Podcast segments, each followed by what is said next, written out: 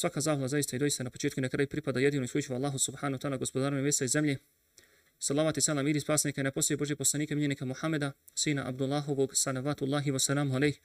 Salavat salam idi spasnika je na njegovu plemtu u porodcu Ahli Bejt, zatim i na njegove časne ashabe, prijatelje, drugove pomagače, potom i na njihove tabine, sljedbenike i nasljednike i na koncu salavat i salam idi spasnika i na sve generacije vjernika koje njih nastave pratiti i u stopu slijediti u naređivanju i činjenju dobra i odvraćanju od zla do sudnjega dana. Amin.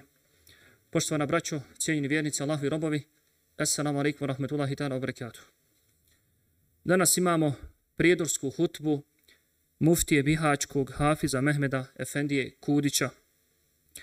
Muftija Bihački u ovoj hutbi kaže Sjećanje na 20. juli 1992. godine. Hvalja neka je uzvišeni Allah koji nas je na pravi put izveo, jer mi ne bismo bili na pravome putu da nas On uzvišeni nije uputio i neka je salavat na Allahovu poslanika Muhammeda alihi salam, donosioca radosne vijesti, onog koji opominje i upućuje da se u Allaha i poslanika njegova vjeruje. Draga braćo, nakon obilježavanja godišnjice genocida nad bošnjacima i šehidske dženaze u Srebrenici, pripremamo se za dan sjećanja na još jedan strašni zločin sa elementima genocida nad našim narodom u Bosanskoj krajini, u Prijedoru, Kozarcu i gradovima u dolini rijeke Sani. U ljetnim mjesecima 1992. godine počinjena su svirepa ubijstva, likvidacije na kućnim pragovima, odvođenje u logore te masovna ubijstva i silovanja. Naša braća i sestre nisu imali priliku da se odbrani, vjerujući da im se ne može zlo dogoditi ako nikome ništa loše nisu učinili. Patnje stradali bošnjaka su velike i trajne. Nakon što su zločinci natjerali nesrpsko stanovništvo da nosi bijele trake i da izvijesi bijele čašafe, ubili su više hiljada nevinog stanovništva, a potom neke od njih zakopali u najveću masovnu grobnicu Tomašicu. Sakrivanjem tijela ubijelih bošnjaka, zločinci su pokušali da trajno izbrišu sjećanje na zločine koje su počinili. Kur'an nas podsjeća na mnoge događaje i stradanja pravovjernih i nevinih ljudi. Ova kazivanja imaju za cilj da poduče kako u svakom vremenu postoje zli ljudi koji su usmjereni na uništavanje jedne vjerske ili pak nacionalne skupine u cijelosti. Narod Benu Israil je mučen i uništavan od strane faraona. Kur'an to opisuje sljedećim riječima. Kaže uzvišeni, Inna fir'auna ala fil ardi wa ja'ala ahlaha shi'an yastad'ifu ta'ifata minhum yudhabbihu abna'ahum wa yastahyi nisa'ahum innahu kana minal mufsidin Što u prevodu značenja ovog četvrtog ajta sure Qasas znači Faraon se na zemlji bio osilio i stanovnike njezine na stranke bio izdijelio. Jedne je tlačio, mušku djecu im klao, a žensku u životu ostavljao, doista je on smutljivac koji je Fesad širio bio. U ovom ajetu, kao i u drugim sličnim ajetima, Allah Đelešanuhu upozorava na posebnu skupinu ljudi i njihov zločinački mentalitet. Silnici se veoma uzoholi i s bezgraničnom samovoljom unose nemir s ciljem dominacije i pokoravanje drugih naroda. Na tom putu oni vrše neviđenu segregaciju i obezvređivanje ljudskog dostojanstva sa namjerom potpunog uništenja.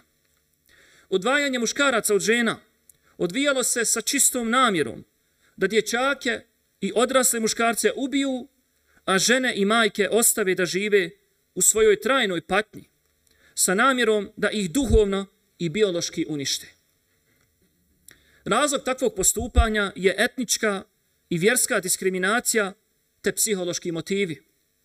Ovaj događaj, kao i druga kuranska kazivanja, uče nas da uvijek moramo biti budni i svjesni da su zločinci prisutni u svakom vremenu. Njihova mržnja izbija iz njihovih usta, a ono što kriju je još gore. Kur'an nam daje smjernice i upute kada uzvišeni kaže Ja, ejuha alladhina amanu, la tattakhidhu bitanata min dunikum la ya'lunakum khabalan waddu ma anittum qad badat al-baghdha'u min afwahihim وما تخفي صدورهم أكبر قد بينا لكم الآيات إن كنتم تعقلون O vjernici, za prisne prijatelje uzimajte samo svoje. Ostali vam samo propast želi. Jedva čekaju da muka dopadnete. Mržnja izbija iz usta njihovih, a ono što kriju prsa njihova je još gori. Mi vam samo iznosimo dokaze ako i ole pameti imate.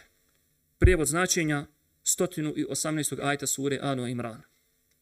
Čovjek je odabrano biće na zemlji, kojim je dragi Allah dao ulogu upravljanja i uspostavljanja reda na njoj i svaki nasrtaj na njegov život smatra se najtežim grijehom, stavljen u istu ravan sa uništavanjem cijelog ljudskog roda. Kur'an nam govori da je krajnji ishod kufra, nevjerništva mračan, a da pravovjerni nasljeđuju zemlju ako se strpe i da konačan ishod pripada onima koji vjeruju i onima koji u vjeri svojoj ustraju. Draga braćo, moramo čvrsto vjerovati i promovirati dobro. Moramo sjećati se svega što nam je učinjeno i suzbijati svako zlo. Ne smijemo se umoriti od potrage za našim nestalim, moramo tražiti pravdu i biti ustrajni na tom putu. 20. juli je simbol stradanja bošnjaka na području Prijedora, Kozarca i Bosanske krajine. Ne zaboravimo da je samo na području općine Prijedor ubijeno 3176 osoba. U četvrtak 20. jula bit će šehidska dženaza, inša Allah.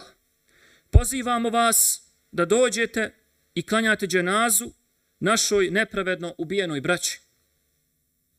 Molim Allaha svevišnjeg da svim ubijenim bošnjacima podari svoju milost. A mi da i se sjećamo do sudnjega dana. Allahu dragi podari nam takvaluk i očisti naše duše, ti si naš zaštitnik. Zaista si ti hvaljen i slavljen. Tebi pripada svaka hvala, kaže u svojoj hudbi muftija Bihački, Hafiz Mehmed Efendija Kudić, hafidhahullahu ta'ala. بارك الله لي ولكم في القرآن العظيم ونفعني الله وإياكم بما فيه من الآيات والذكر الحكيم أقول قولي هذا وأستغفر الله لي ولكم فاستغفروه إنه هو الغفور الرحيم واذكروا الله يذكركم واشكروه على نعمه يزدكم ولذكر الله أكبر والله يعلم ما تصنعون